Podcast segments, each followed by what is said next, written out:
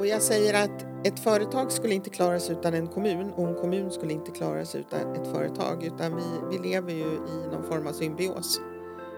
Mycket välkommen till Härnösandspodden där magasinet Jippi Härnösand vill berätta mer och längre om någon vi har skrivit om.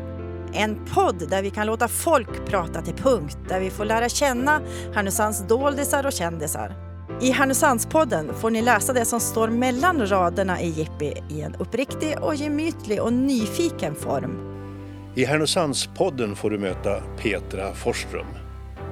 Hon lämnade galoppvägen i Bålsta, men hon lämnade inte travet. Hon flyttade till Härnösand för drygt två år sedan för att bli näringslivschef i Härnösands kommun. Vad gör en sån chef? Och vad var det som fick henne att bryta upp mitt i livet och flytta norrut?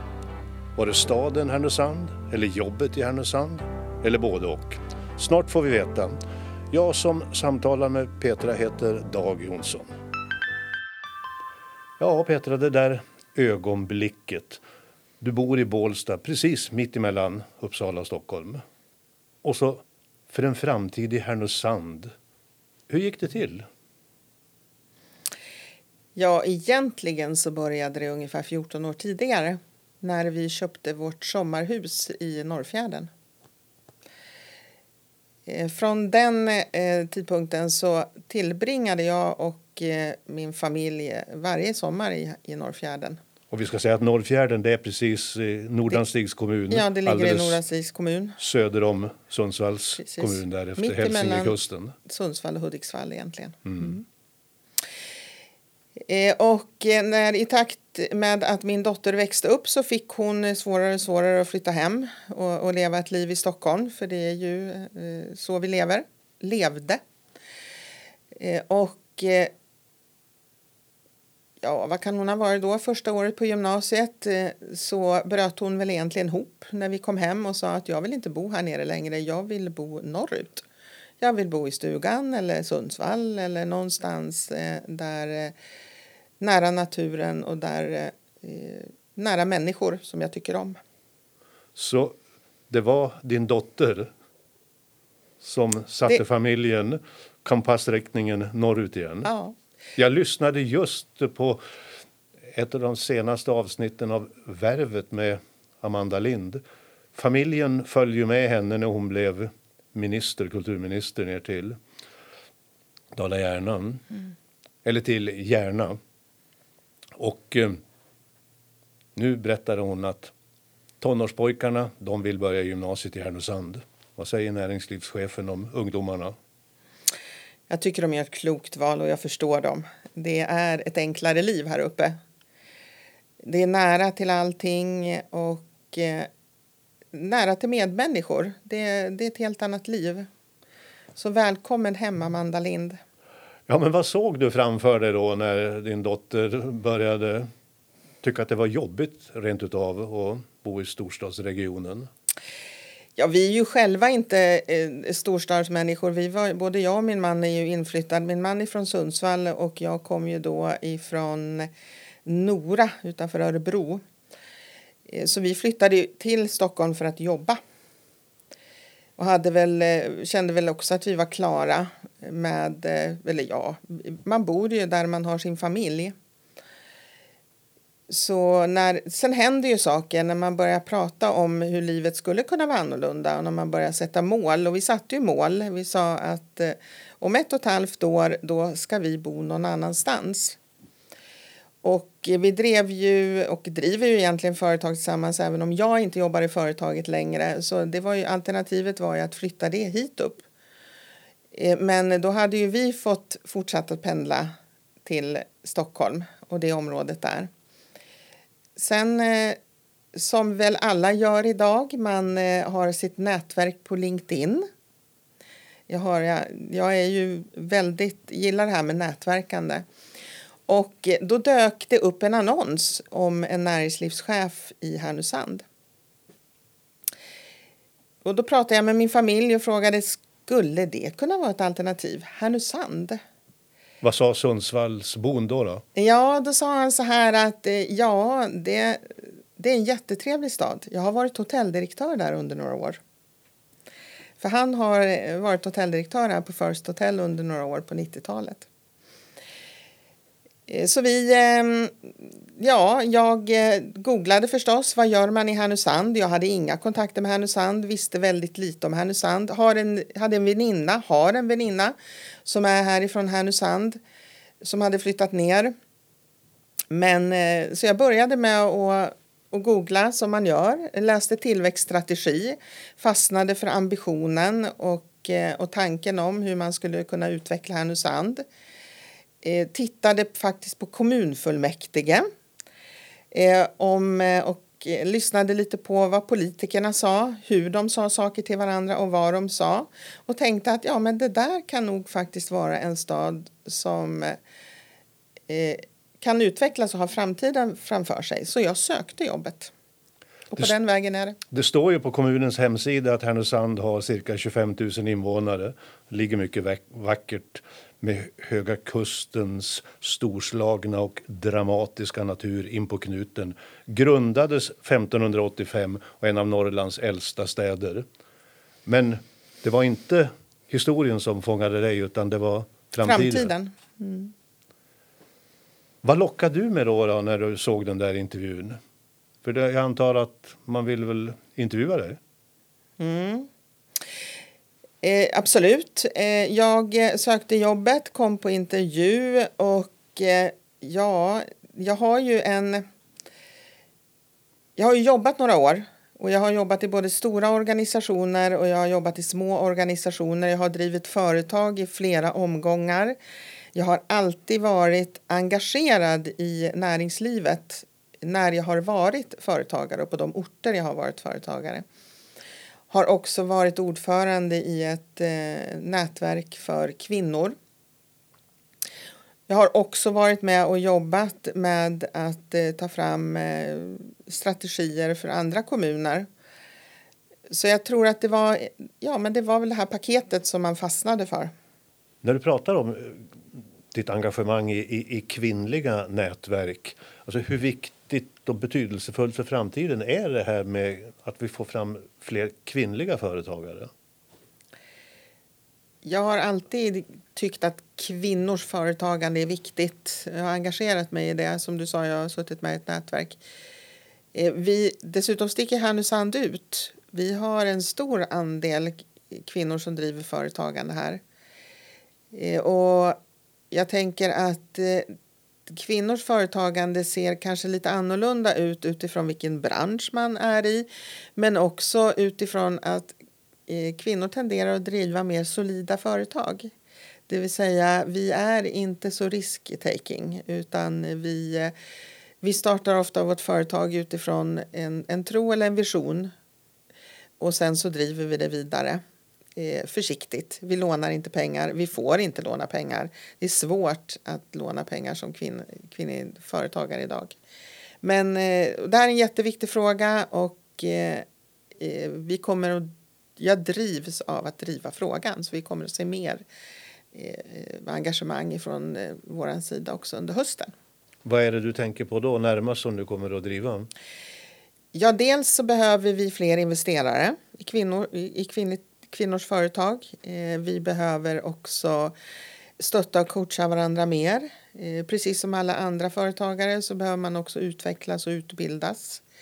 Så det handlar ju väldigt mycket om att stötta och coacha varandra och kanske, eller väldigt mycket om också att, att jobba tillsammans. Vi måste bli bättre på att samverka. Men hade du jobbat i en eh, politiskt styrd offentlig förvaltning tidigare? Jag har jobbat i ett statligt spelbolag under 15 år. Jag har jobbat i mitt företag så har jag jobbat väldigt mycket med eh, både rikspolitik, eh, regeringspolitik. Jag har jobbat, varit inblandad i lagstiftningsdiskussioner. Jag har jobbat eh, i mynd, tillsammans eller på uppdrag av myndigheter. Men nej, jag hade aldrig jobbat i en kommun. Svenska Spel som du jobbade länge i det är en myndighet säger du? Nej, det är, Nej, ett, statligt, det är ett aktiebolag. Ja, det är ett statligt ägt eh, aktiebolag. Ja. Men eh, vi, eh, Svenska Spel har ju jobbar ju på uppdrag, de har en koncession eller de har ett ägardirektiv och ägaren är ju regeringen. Ja, vi ska komma tillbaka. Det är ju spännande det här men, med din bakgrund. Alltså. Men hur trivs familjen nu då? Vi trivs fantastiskt bra. Vi har kommit in väldigt väl i samhället. Det är vänliga människor i Härnösand. Stod det någonstans när du googlade? Att de var vänliga? Nej, det tror jag inte. Men din bakgrund då Peter, för det är den som sagt var du är mitt i livet eller vad säger man, övre medelåldern? Ja, bra, precis. Tack, mitt i livet, ja, ja kanske jag är. Ja, men alltså, jag såg någonstans att du, du börjar med det som på engelska heter Corporate Social Responsibility med CSR-inriktning på ganska tidigt 90-tal. Det var rätt tidigt att jobba med sociala hållbarhetsfrågor. Absolut, och på den tiden så, ja, kärt barn har många namn. Det har ju alltid hetat många olika saker, men man pratade CSR och framförallt så pratar man samhällsansvar. Och varför gjorde jag det? Jo, därför att jag jobbade på Svenska Spel. Och eh, vi jobbade ju... Eh, vi, jag var med och byggde upp ett affärsområde som på några år kom att omsätta 7 miljarder. Eh, det var ju också en väldigt kontroversiell produkt. Och det var? Det var eh, Vegas, Jack Vegas-automater. Och jag kom ju också att bli försäljnings och marknadschef i, i den organisationen och insåg ju tidigt att om man inte tar ansvar för en produkt så får man inte ha den kvar. Är det den enarmade banditen? Det var väl, ja, det var inga armar på den. Nej, men, men eh, den ersatte ju den, ersatte den enarmade den. banditen och hela vårt överskott skulle dessutom gå till idrotts, till ungdomars idrott. Och det var kontroversiellt eh, och eh, det var till och med så att vi hade en finansminister som fick eh, stå och svara på interpellationer på grund av min marknadsföring. Och det här diskuterades väldigt mycket och det, det är klart att spel har ju en baksida. Man kan ju bli beroende om man spelar för mycket. Och det här insåg ju vi tidigt att det här måste vi ta ansvar för. Så det var så som jag kom in i eh, hållbarhetssvängen. Men alltså hur, hur, hur, resonerar man då om man är värderingsstyrd och har ett eget spelföretag som du sa, ni jobbar, din man är konsult inom spelbranschen, du har jobbat i Svenska Spel. För, för det finns ju så att säga två sidor av det här myntet. Det är en slags kick-kultur att man preoccupied, man, liksom, man, man är, tänker att ja men nästa gång. Dopaminet kickar igång. Ja. Eh, har man träffat personer som, eh, som har spelat för mycket så, så vill man ju hjälpa till förstås. Eh, vad spelbranschen kan göra och, och, som är spelbranschens viktigaste uppdrag det är ju att jobba med förebyggande åtgärder och det är ju det som jag alltid har jobbat med. Och det handlar ju om att allt ifrån att ta fram information till att faktiskt ta fram verktyg och att ha en dialog med spelaren. Det är, det är väldigt många olika saker som, som bidrar till att man kan spela för mycket. Nu ska man ha klart för sig att de allra flesta har inte problem med det. Det är färre som har problem med spel än kanske Systembolaget skulle ha problem med alkohol. Att, eh, men det är, det är ändå så att för en del så måste man avhålla sig både från alkohol och från att ja, spela. Det. För det är beroendeproblematiken. Mm. Hur kändes det där då att uh, marknadsföra en sån produkt? Det gick inte att marknadsföra en sån produkt. Och man ska inte marknadsföra en sån produkt. Det finns produkter som man inte ska marknadsföra. Jag tycker inte att man ska få marknadsföra kasino heller. Som man gör idag. Idag är ju kasino den största produkten och då pratar vi kasino i telefon och på nätet. Den ska man inte heller marknadsföra. Ja, det är ju lite, alltså det är intressant ändå och, tillsammans med dig att resonera om det. där, För att det går ju idag nästan inte att se ett eh, tv-program på en kommersiell kanal utan att det sponsrat eller görs reklam för att spela, spela, spela, spela, spela och nya innovationer. Det ska vara enklare och enklare och enklare. Eh, sen finns det ju ingen... Det är en slags... Eh, vad är det som gör att det blir så här? Är det pengarna bara? Eller? Ja, det är ju snabbrörliga konsumentprodukter. De eh, behöver man ju göra reklam för. Eh, så är det ju. Eh, sen så är det ju om vi tittar på den reglerade spelbranschen. Vi har ju ny, vi har ju ny lagstiftning nu. Den reglerade spelbranschen var ju väldigt tidig med att sätta upp riktlinjer för hur man marknadsför sig. Vad man säger i marknadsföringen är ju jätteviktigt.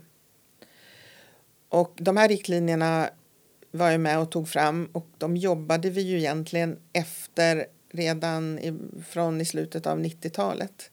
Sen har vi ju en helt ny marknad nu som är konkurrensutsatt. Innan den nya lagstiftningen hade vi tio bolag. Idag på den konkurrensutsatta marknaden så kanske vi har hundra bolag. Så det är en väsentlig skillnad och alla har ju rätt att berätta om vad de säljer. Men det är ju otroligt viktigt att man tänker på vad man säger och egentligen så vad man marknadsför också faktiskt. Men du är lite tveksam till den här explosionen? Då?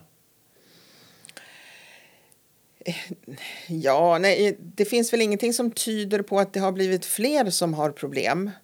Men eh, varje bolag har ju ett ansvar, eller alla bolag som säljer någonting. Man kan bli beroende av väldigt många olika saker. Jag gillar att köpa kläder, kanske köper lite för mycket kläder. Men alla har ju någon form av ansvar för vad man säljer och inte minst eh, ur ett hållbarhetsperspektiv. Eh, och, och, det är ju alldeles beroende på vad man säljer för produkter också. Fem snabba frågor. Trav eller galopp? Trav. Dataspel eller spel på hästar? Spel på hästar. Realist eller optimist? Optimist. Eftertänksam eller pådrivande? Pådrivande. Offentlig eller privat sektor? Den var ju väldigt svår. Eh, jag, eh, jag har ju ett ben i varje. Men en offentlig sektor, då kan man ju faktiskt vara med och påverka samhället. Och det gillar jag. Jag sa att du lämnade galoppvägen. Var det en slump att er adress hette Galoppvägen för att eh, hästar kom in i ditt liv också via Svenska Spel? Ja, och det hade nog mer att göra med egentligen att eh, jag hade jobbat väldigt mycket eh, åt eh, spelningspersonen. Jag var också med och startade ett i, under min företagstid. Jag var också med och startade ett etiskt råd för den reglerade branschen eh, och var därmed också väldigt mycket inblandad i den lagstiftningen som vi nu har. Eh, så när ATG sökte en ny styrelseledamot så nominerades jag. Och ATG är alltså Aktiebolaget, Aktiebolaget Trav Galopp. och Galopp. Ja. Eh, och jag, så att jag satt ju där på regeringens mandat men jag har ju klivit av den styrelsen sedan ett halvår tillbaka. Jag satt där i eh, nästan sex år. Ditt förhållande till hästar då? Ja, men jag har en häst. Jag delar en häst med några killar här i Härnösand. En trav eller en galopphäst? En eh, travhäst, ett kallblod. Mm. Och var är den uppstallad någonstans då, eller var tävlar den? Den stod eh, och tävlade på Bergsåker men just nu har han lite problem med ett ben så att han är på, på konvalescens. Ja, har det gått bra att spela på hästen? Vad heter han förresten? Eh, vilken bra fråga. Nu tappar jag helt. Ja. Nej, han, han har varit ett väldigt duktigt och, duktig och framgångsrikt kallblod. Men eh, nu har han ju lite problem med ett mm. ben. Så att, eh, men jag tänkte säga, du är förlåten. För är det någonting som jag ändå tycker verkar vara svårt, det är att lära sig hästnamn. för det är inte särskilt logiskt. Ja, och sen när man inte har, eh, han inte har tävlat på länge så har man ju inte behövt skrika namnet på upploppet. Så att det, är Nej. det är ju det som är tjusningen med travet, det är ju sporten. Eh, och Eh, att stå på en travbana och, och höra och se en häst springa och tävla, det är ju magiskt. Är ni på Bergsåker ofta? Nej, kan jag inte säga att jag är. Nu har det ju varit pandemi också ja. så att eh, travbanorna har ju varit stängda. Men du kom, det var din dotter sa du, men du kom hit, du googlade. Men om, om du beskriver Härnösand idag i, i din roll som näringslivschef för en företagare som ska lockas och etablera sig här då 2022 säger vi. Vad är dina argument? Det här är ju en eh, fantastisk eh, småföretagarstad.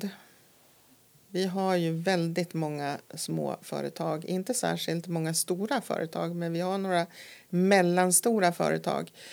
Och det som är fantastiskt här, det är ju att eh, eh man jobbar ju tillsammans. Företagen jobbar tillsammans med gemensam kraft och det har ju varit särskilt viktigt under pandemin. Här, eh, under pandemin har man ju hjälpts åt. Och i morse så eh, kunde vi dessutom berätta, eller Jon kunde berätta att han ska bygga sitt hotell. Ja, vi kan ju, jag tänkte säga, vi kan ju berätta att vi spelar in den här intervjun precis eh, dagarna före eh, påskhelgen. Ja, Och det viktigaste som hände då dagen före dagen före skärtorsdagen, före det var just att nu så är det klart. Och det är, det är lokala företagare. jajamän. Det är ju ett bevis på eh, hur man går ihop och, eh, och skapar en, fram, en, en verksamhet tillsammans som kommer bli väldigt viktig för, för Härnösand. Så Alltså här- det här har ju varit eh, omstritt. Det ligger vid Östanbäcken som den här trästaden som har varit ett annat kännetecken och det är ju många där som har varit ganska mm, upprörda. Hur, hur har du sett på den här processen? Ja, nu har jag bara varit här under några år, men jag förstår ju att processen har varit lång och den har väl pågått i, i tio år skulle jag kunna tänka mig. Och eh, det har väl det har väl funnits fler som har varit för ett hotell än mot ett hotell. Men vi lever ju i en demokrati så vi måste ju alla få tala om vad vi, hur, vi, hur, hur vi tänker och ser på saker. Men om vi tittar i det stora hela för Härnösands del eh, så är det väl tråkigt att det har tagit så lång tid. För vi behöver verkligen ett hotell. Ja, Härnö Gin Hotel, Kanaludden och så ska de ta över relaxavdelningen och simhallen också. Ja. Vad De ska inte ta vad- över, de ja, ska ja, alltså, sköta den. Ja. Sköta den, Ja. precis alltså.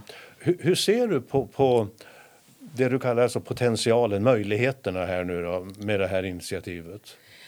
Härnösand är ju en besöksstad och har ju blivit eh, en... Eh, under pandemin har det ju blivit ändå tydligare att vi är en attraktiv besöksstad. Vår utmaning i Härnösand det är att vi har så få hotellrum. Så vad vi har kunnat ta emot nu när hela Höga Kusten växer, för Höga Kusten har ju nästan fördubblats eh, de, de senaste tre åren. Eller mer än fördubblas de, eh, de senaste tre åren. Det är ju utmaningen i att vi kan bara ta emot dagbesökare. För vi har inte tillräckligt många rum. Nu när hotellet är klart om några år, för det tar ju ändå ett par år innan det står på plats, då kommer ju vi kunna erbjuda hela stadens attraktiva utbud. Vi har en fantastisk teater, vi har eh, mycket kultur, vi har Murberget, vi har en skidbacke, vi har, vi har en konsthall som är fantastisk, men vi har inte kunnat jobba med evenemang på det sättet, för vi kan inte erbjuda övernattning. Vi kan inte fylla en teater, med, för vi har ingenstans för besökarna att, att, eh, att bo. Sen är vi en myndighetsstad eh, som i sig har många möten och konferenser. De kan inte bo här. De eh, besökarna bussar vi till Sundsvall.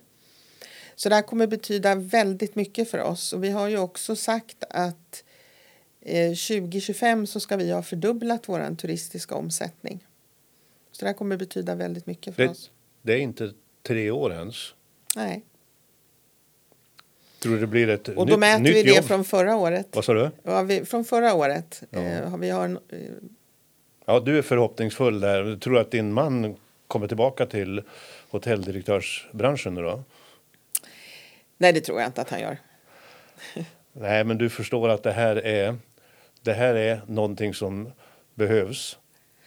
Ja, sen är, Härnö Gin är ju i sig också ett otroligt starkt varumärke som har betytt väldigt mycket för, för Härnösand och de har ju också ett hjärta i Härnösand.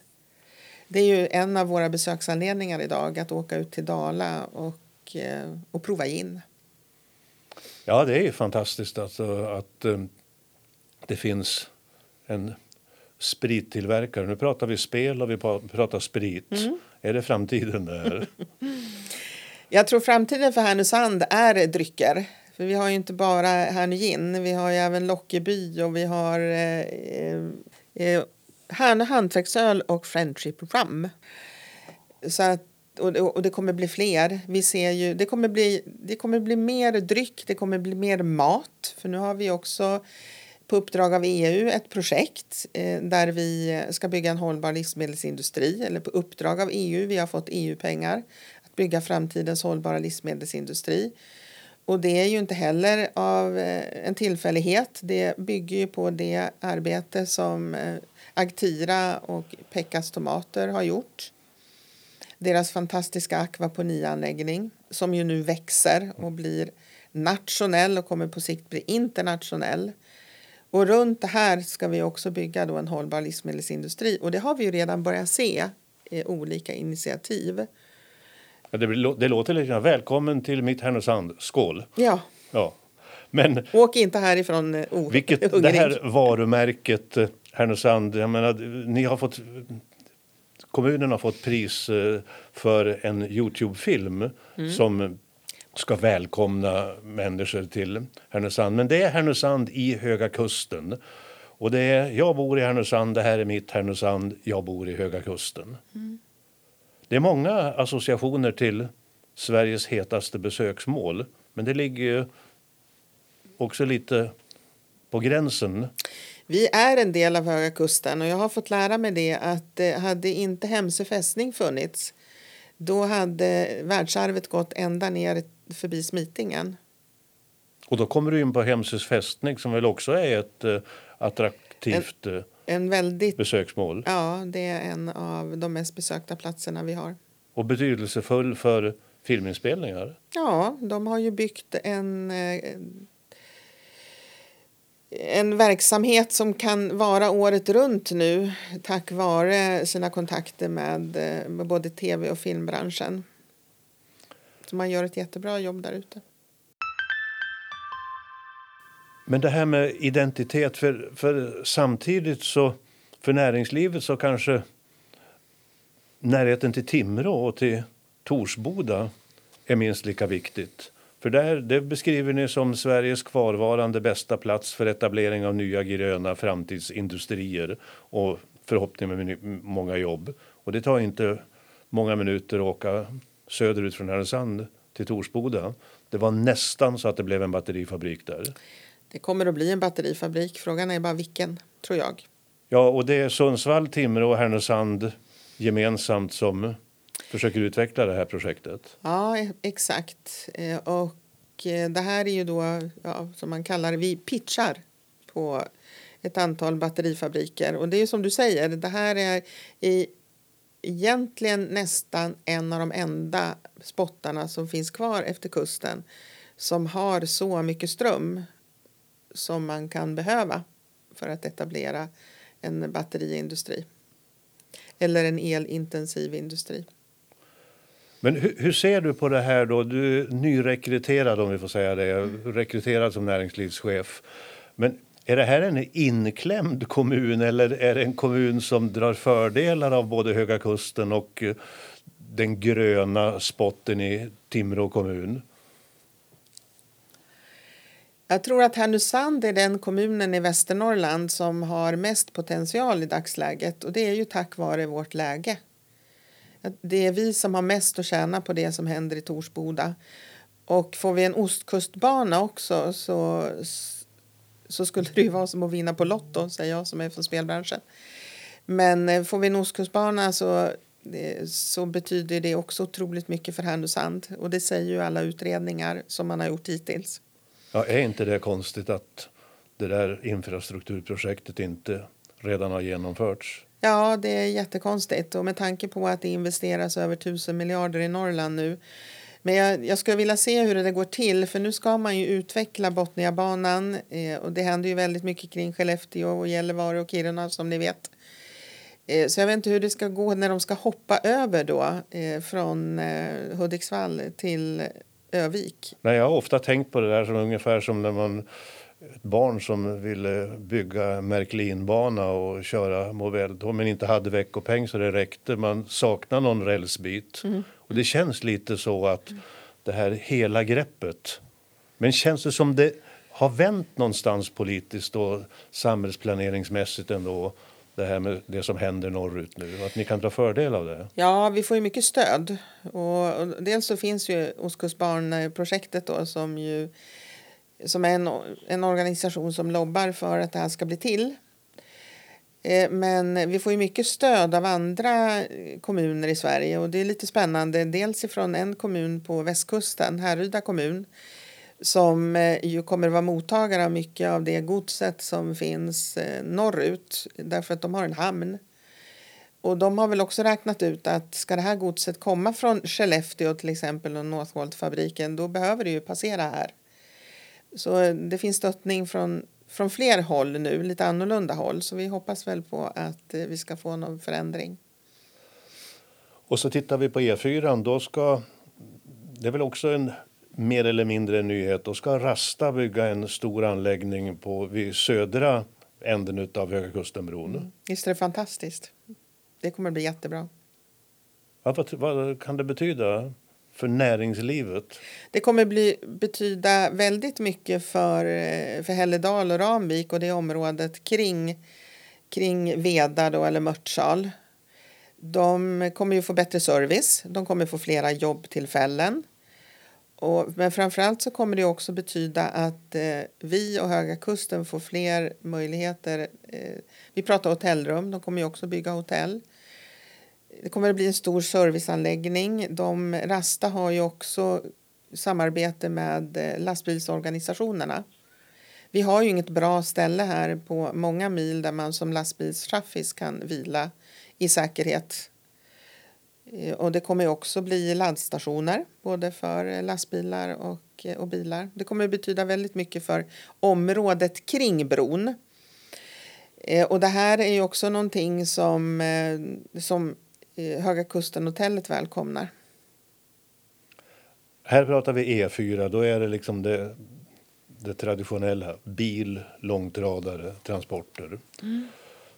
Och nu precis här i påskhelgen då anlöper Silja Symphony Ja, vikingar som Eller kommer. vi, Viking som kommer först. Men alltså då kommer de här stora besökshotellen, tänkte jag säga, flytande hotellen.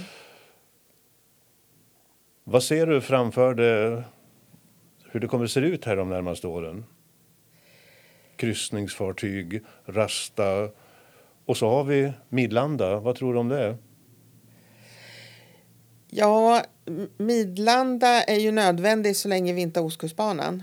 Ostkustbanan eh, kommer ju göra att Midlanda inte är lika nödvändig längre.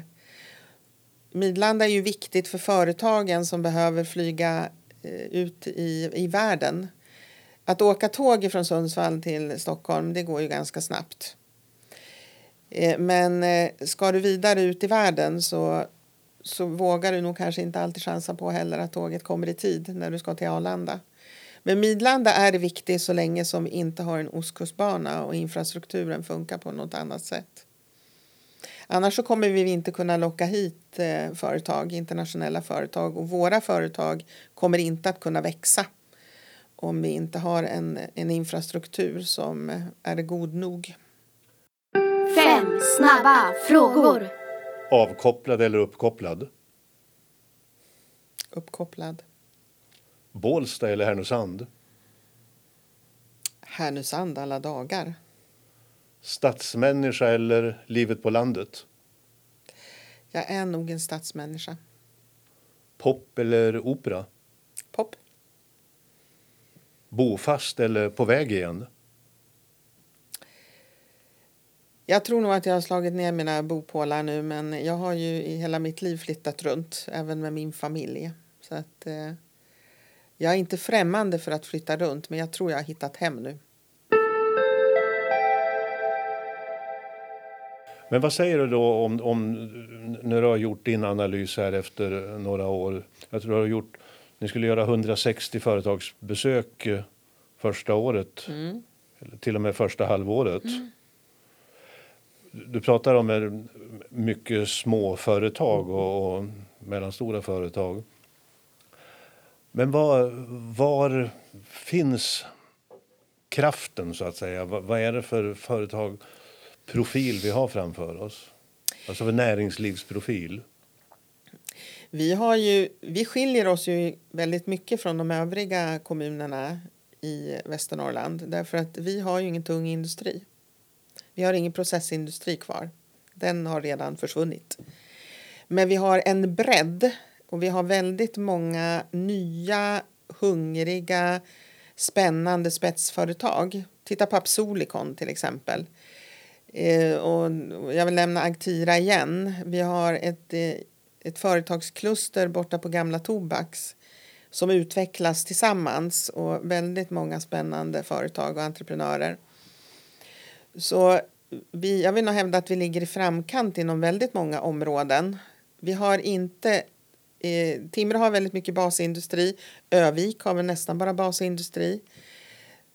Så vi, eh, ja precis som Kramfors. Så vi har en bredd. Vi kan egentligen eh, växa åt vilket håll som helst. Det kommer bli jättespännande att se var vi kommer att, positionera oss. Men gemensamt för de här sju kommunerna i, i, i Västernorrland är landets sämsta befolkningsstatistik också. Ja,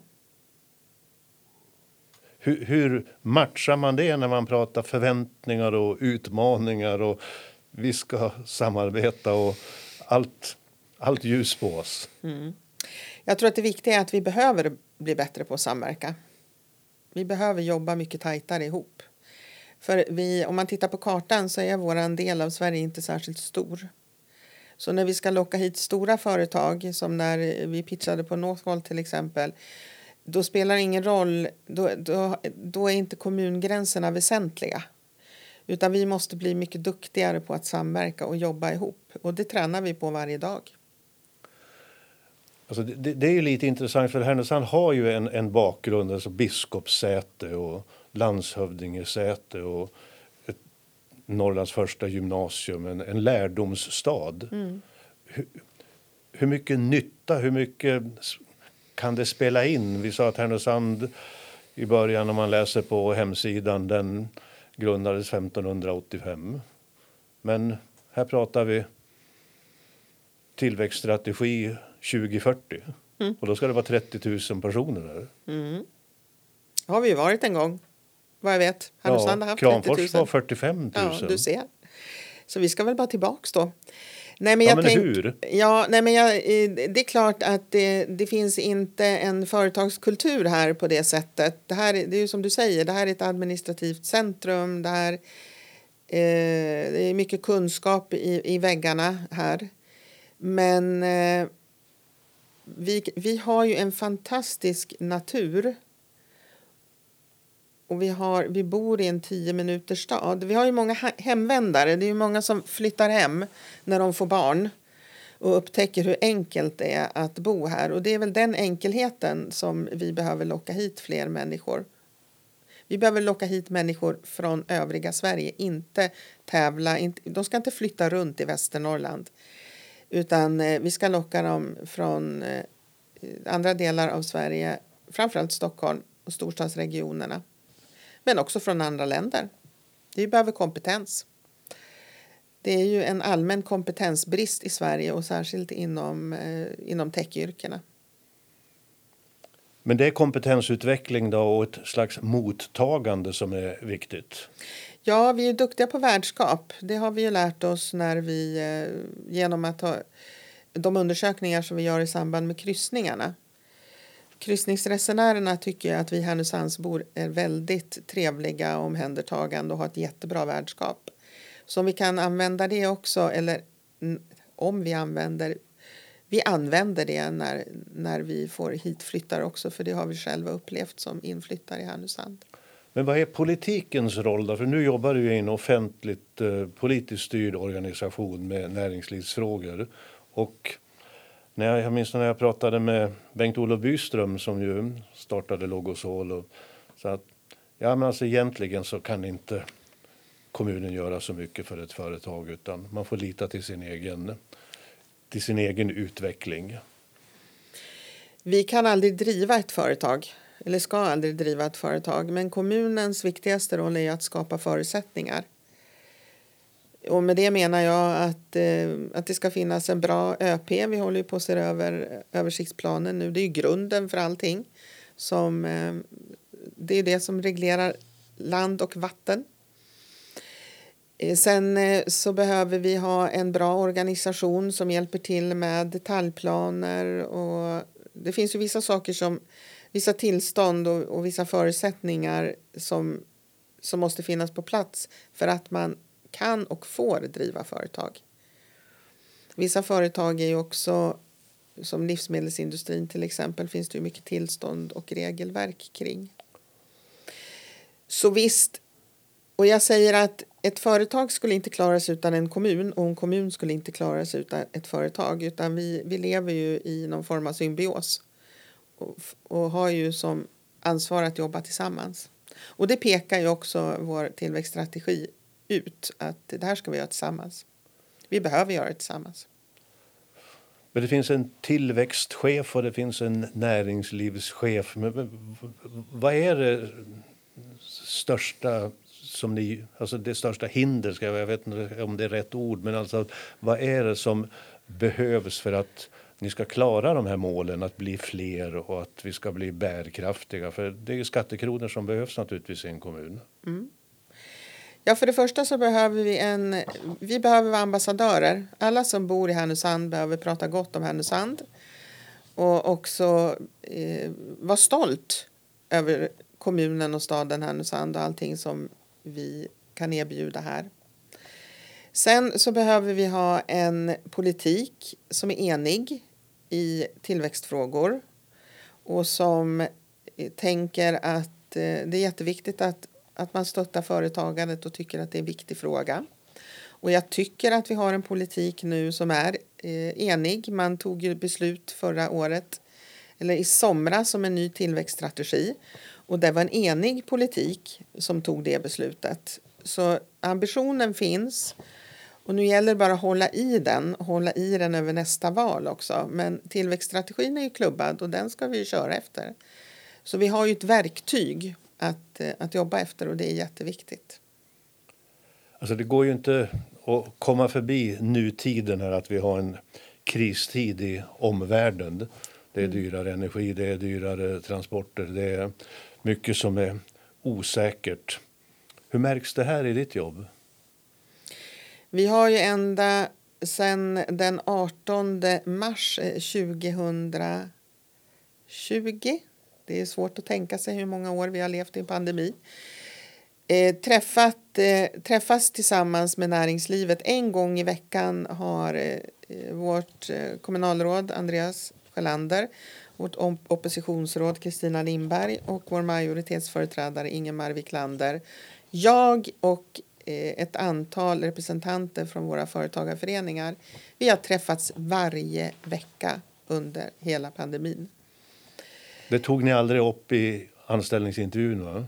Nej, det, jag fick frågan av min chef här för några veckor sedan. Blev det som du hade tänkt dig? Nej, det är klart. Ingenting blev ju som jag hade tänkt mig. Men om det var sämre eller bättre, det är ju svårt att säga. Jag tror att det blev bättre. Därför att pandemin eh, har varit bra för Härnösand. Sen är ju det jättetråkigt att säga så. Därför att det är många människor som har varit eh, påverkade av pandemin och till och med inte har gått bort. Men eh, för, för Härnösand som stad så har det varit positivt. Och vi har enats och vi har jobbat tillsammans som en gemensam kraft. Alltså, hur har det varit positivt? Vi, för det första har Härnösandsborna varit väldigt lojala. Om man går ut på stan här så ser man att vi har väldigt många butiker kvar. Eh, vi har butiker som går väldigt bra.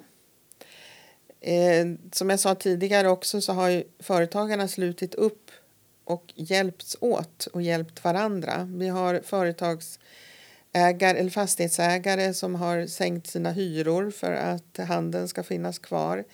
Vi har haft företagare som har hjälpts åt för att lösa olika saker. Så att det här tillsammans, det har verkligen eh, det har verkligen varit tillsammans. Och tillsammans har vi också tagit fram 30 åtgärder för att vi skulle ta oss igenom pandemin. Sen är vi inte genom pandemin än och det är väldigt viktigt och, och, och vi är inte igenom. Eh, nu träffas vi varannan vecka eh, och nu har vi dessutom Ukraina då. Krisen som också kommer att påverka oss både som människor eh, och som företagare. Och det är precis som med pandemin. Det påverkade oss också som människor men även som företagare.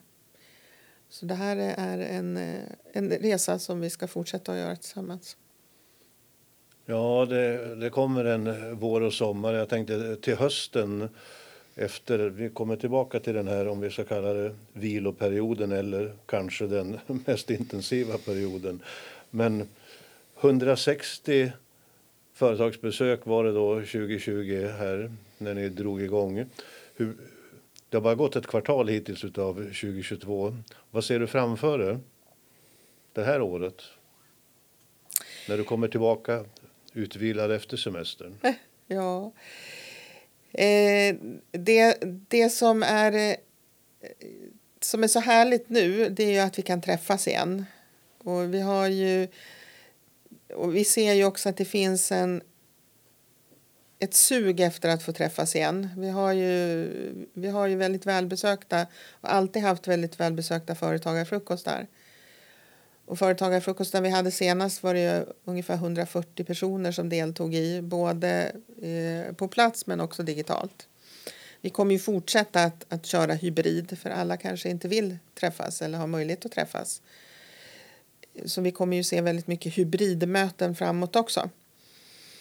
Så är det väl det här att, att vi får träffas igen och eh, ja, möten mellan människor är ju viktiga. Det händer ju spännande saker när människor möts. Du är en mötesmänniska. Jag är en mötesmänniska, jag är en nätverksmänniska och jag har ett stort nätverk både in real life och eh, i sociala medier. Men det är ju så man utvecklas. Man utvecklas tillsammans, man utvecklas inte ensam.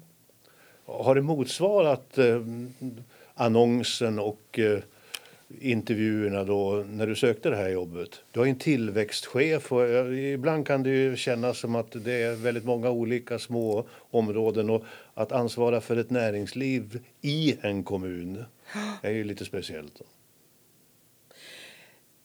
Ja, om man tittar på tillväxtchefsrollen som ju Umeå har då så är ju tillväxt för Härnösand är ju spännande. Därför att man ser på tillväxt eh, utifrån ett annorlunda perspektiv. Tillväxt för Härnösand är ju utveckling, eh, det är, eh, det är kultur, det är bibliotek och det är näringsliv. Så vi har ju en, en ledningsgrupp på tillväxtsidan där vi har bibliotekschefen, näringslivschefen, kulturchefen och tillväxtchefen. Och det är ett lite annorlunda sätt att se på tillväxt men eh, det pekas ju också ut i vår tillväxtstrategi att kultur eh, och, eh, och demokrati, i det här fallet biblioteket, är ju viktigt. Och nu får ni hem en tidigare kultur och demokratiminister ja, till kommunen. Vad kan vi. det betyda? Det får vi se.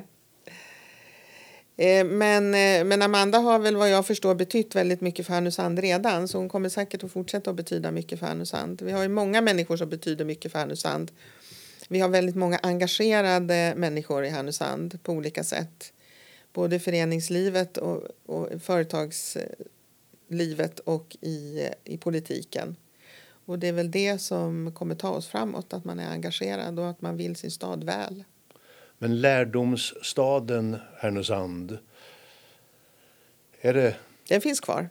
Kompetens, campus Härnösand. En del försvann till Sundsvall, men det är kompetensutveckling och... Det pågår väldigt mycket universitetsstudier i sambiblioteket. Eh, vi har ju campus och vi har lärcentrum. Jag vet också att Mion eh, har eh, några personer som fortfarande jobbar i sambiblioteket.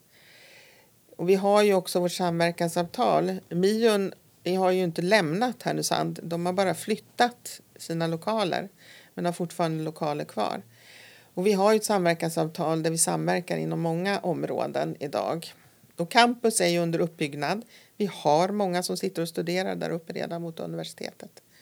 På, och där uppe menar jag Sandbiblioteket.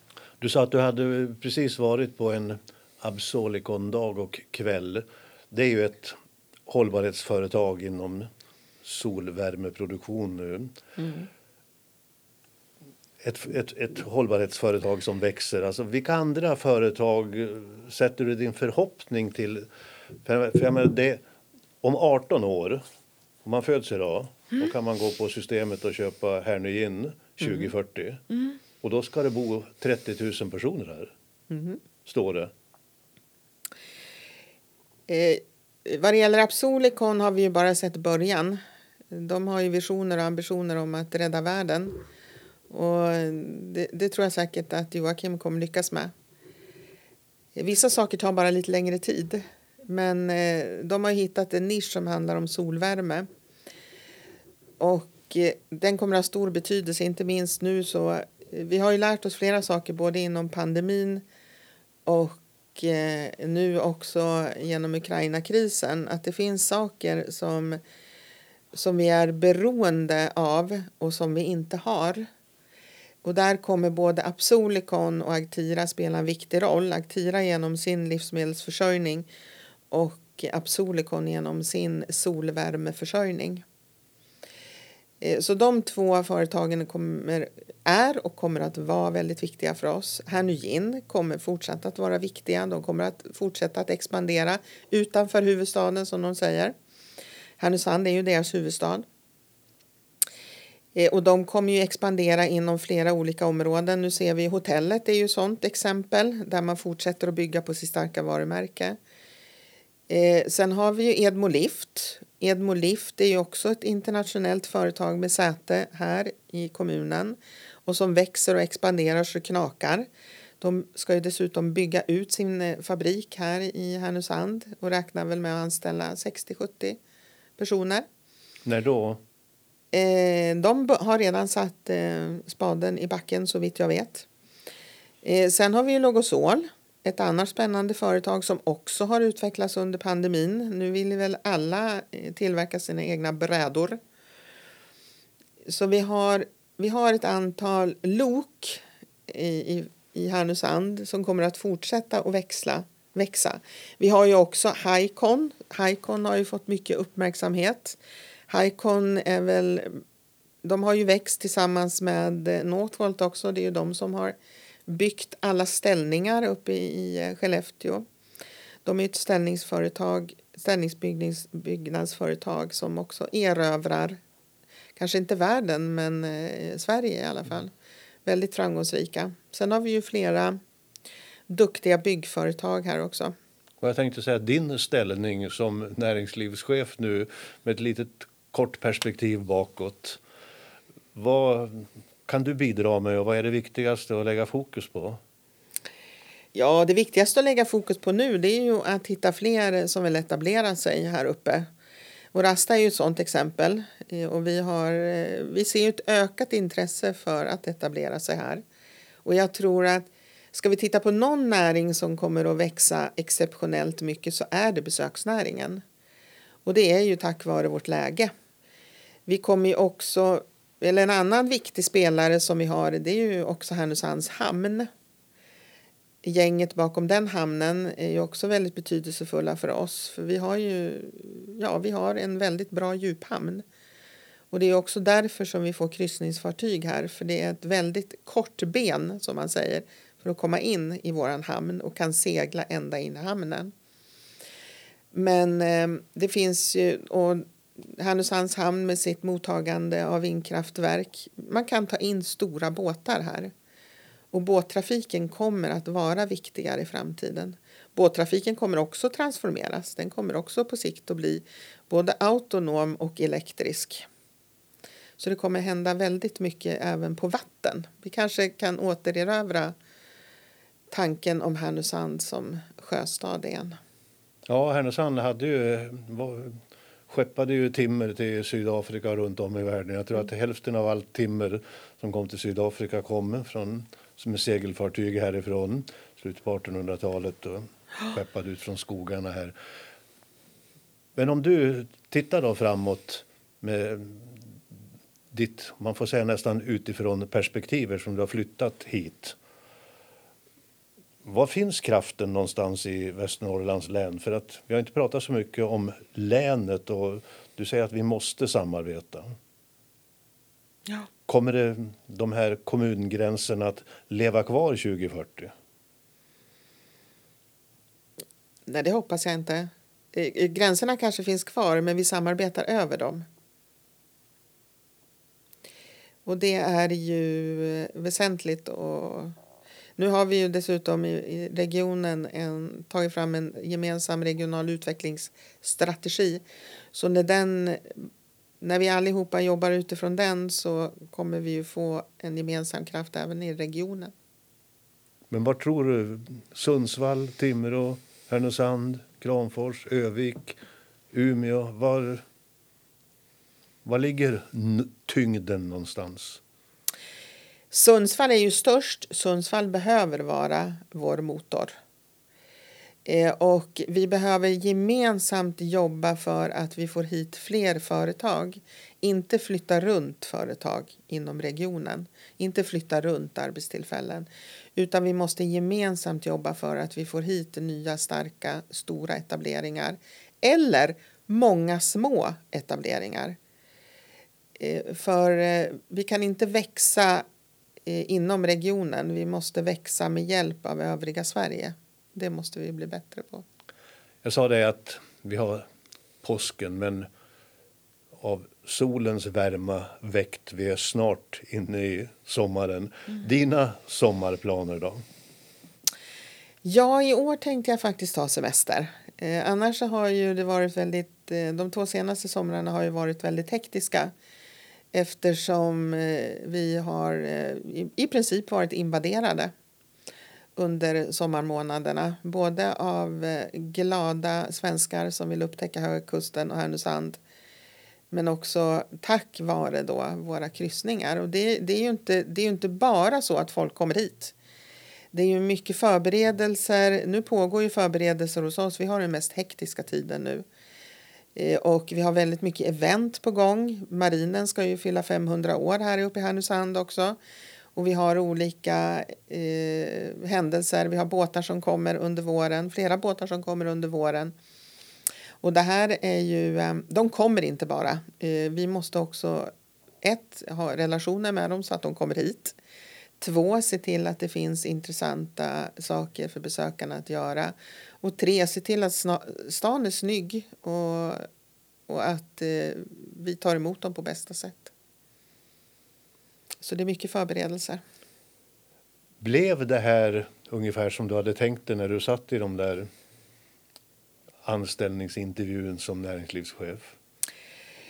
Nej, att, eh, att Härnösand eh, är, eh, är så beroende av besöksnäringen den, eh, och att, det, att besöksnäringen kan göra att Härnösand växer mycket mer den hade jag nog kanske inte på min lista just då. Därför att eh, vi äger ju också tillsammans, Härnösand äger ju tillsammans med Sollefteå och Kramfors och Övik Destination Höga Kusten. Ett destinationsbolag som ska utveckla Höga Kusten och det har de ju gjort med den äran. De har ju byggt ett jättestarkt varumärke. Nu behöver vi steppa fram som kommuner och göra oss själva snygga för att annars så kommer vi att börja urholka det det varumärket. Och det, så att vi var så viktiga som, som besöksstad, den kanske jag inte hade med mig in. Men nu efter att ha jobbat här några år och tagit emot alla fantastiska människor som har varit här under somrarna så förstår jag ju att vi har väldigt mycket som, eller att visa på och som man kanske har varit lite blind för när man, eh, som Härnösandsbo. För som Härnösandsbo har jag lärt mig att man flyttar ut till stugan också kanske inte är så mycket in i stan. Utan man, det är väldigt många Härnösandsbor som har stugor i Höga Kusten. Och du flyttar tillbaka till Norrfjärden då förstår jag? ja då, vi har stugan kvar och vi ska öppna den i påsk. Men eh, vi är mycket mindre i stugan nu än vad vi var tidigare. För nu, har vi ju, nu bor vi ju på en ö, vi har ju hela härliga havet runt omkring oss. Så det kanske blir både nostalgidagar och stadsfest för dig då i sommar? Det är klart att det blir. Och innan dess så kommer ju hamn, eller marinen 500 år också vara en, en, en häftig upplevelse för oss som bor här. kommer mycket båtar hit. Ja, innan vi eh, släpper dig, Petra, vi måste ändå bara kolla. Blev hon nöjd, din dotter, då, med flytten och lämna Bålsta och flytta till Härnösand? Hon stortrivs. Hon älskar att bo i Härnösand. Och, och ändå har hon flyttat hit i en pandemi. Så att det, är ju, det är inte helt lätt att träffa nya kompisar, men hon, hon trivs. Och även hennes föräldrar? De stormtrivs. Tack ska du ha. Tack. Du har nu lyssnat på Härnösandspodden. Intervjun gjordes av Dag Jonsson. Ljudtekniker och producent var Martin Sundqvist på Alltid Marknadsbyrå. Musiken är gjord av Joel Nyberg på Lejonbröder. Fler avsnitt hittar du på www.harnosandspodden.se. Vem vill du lyssna på? Tipsa oss på info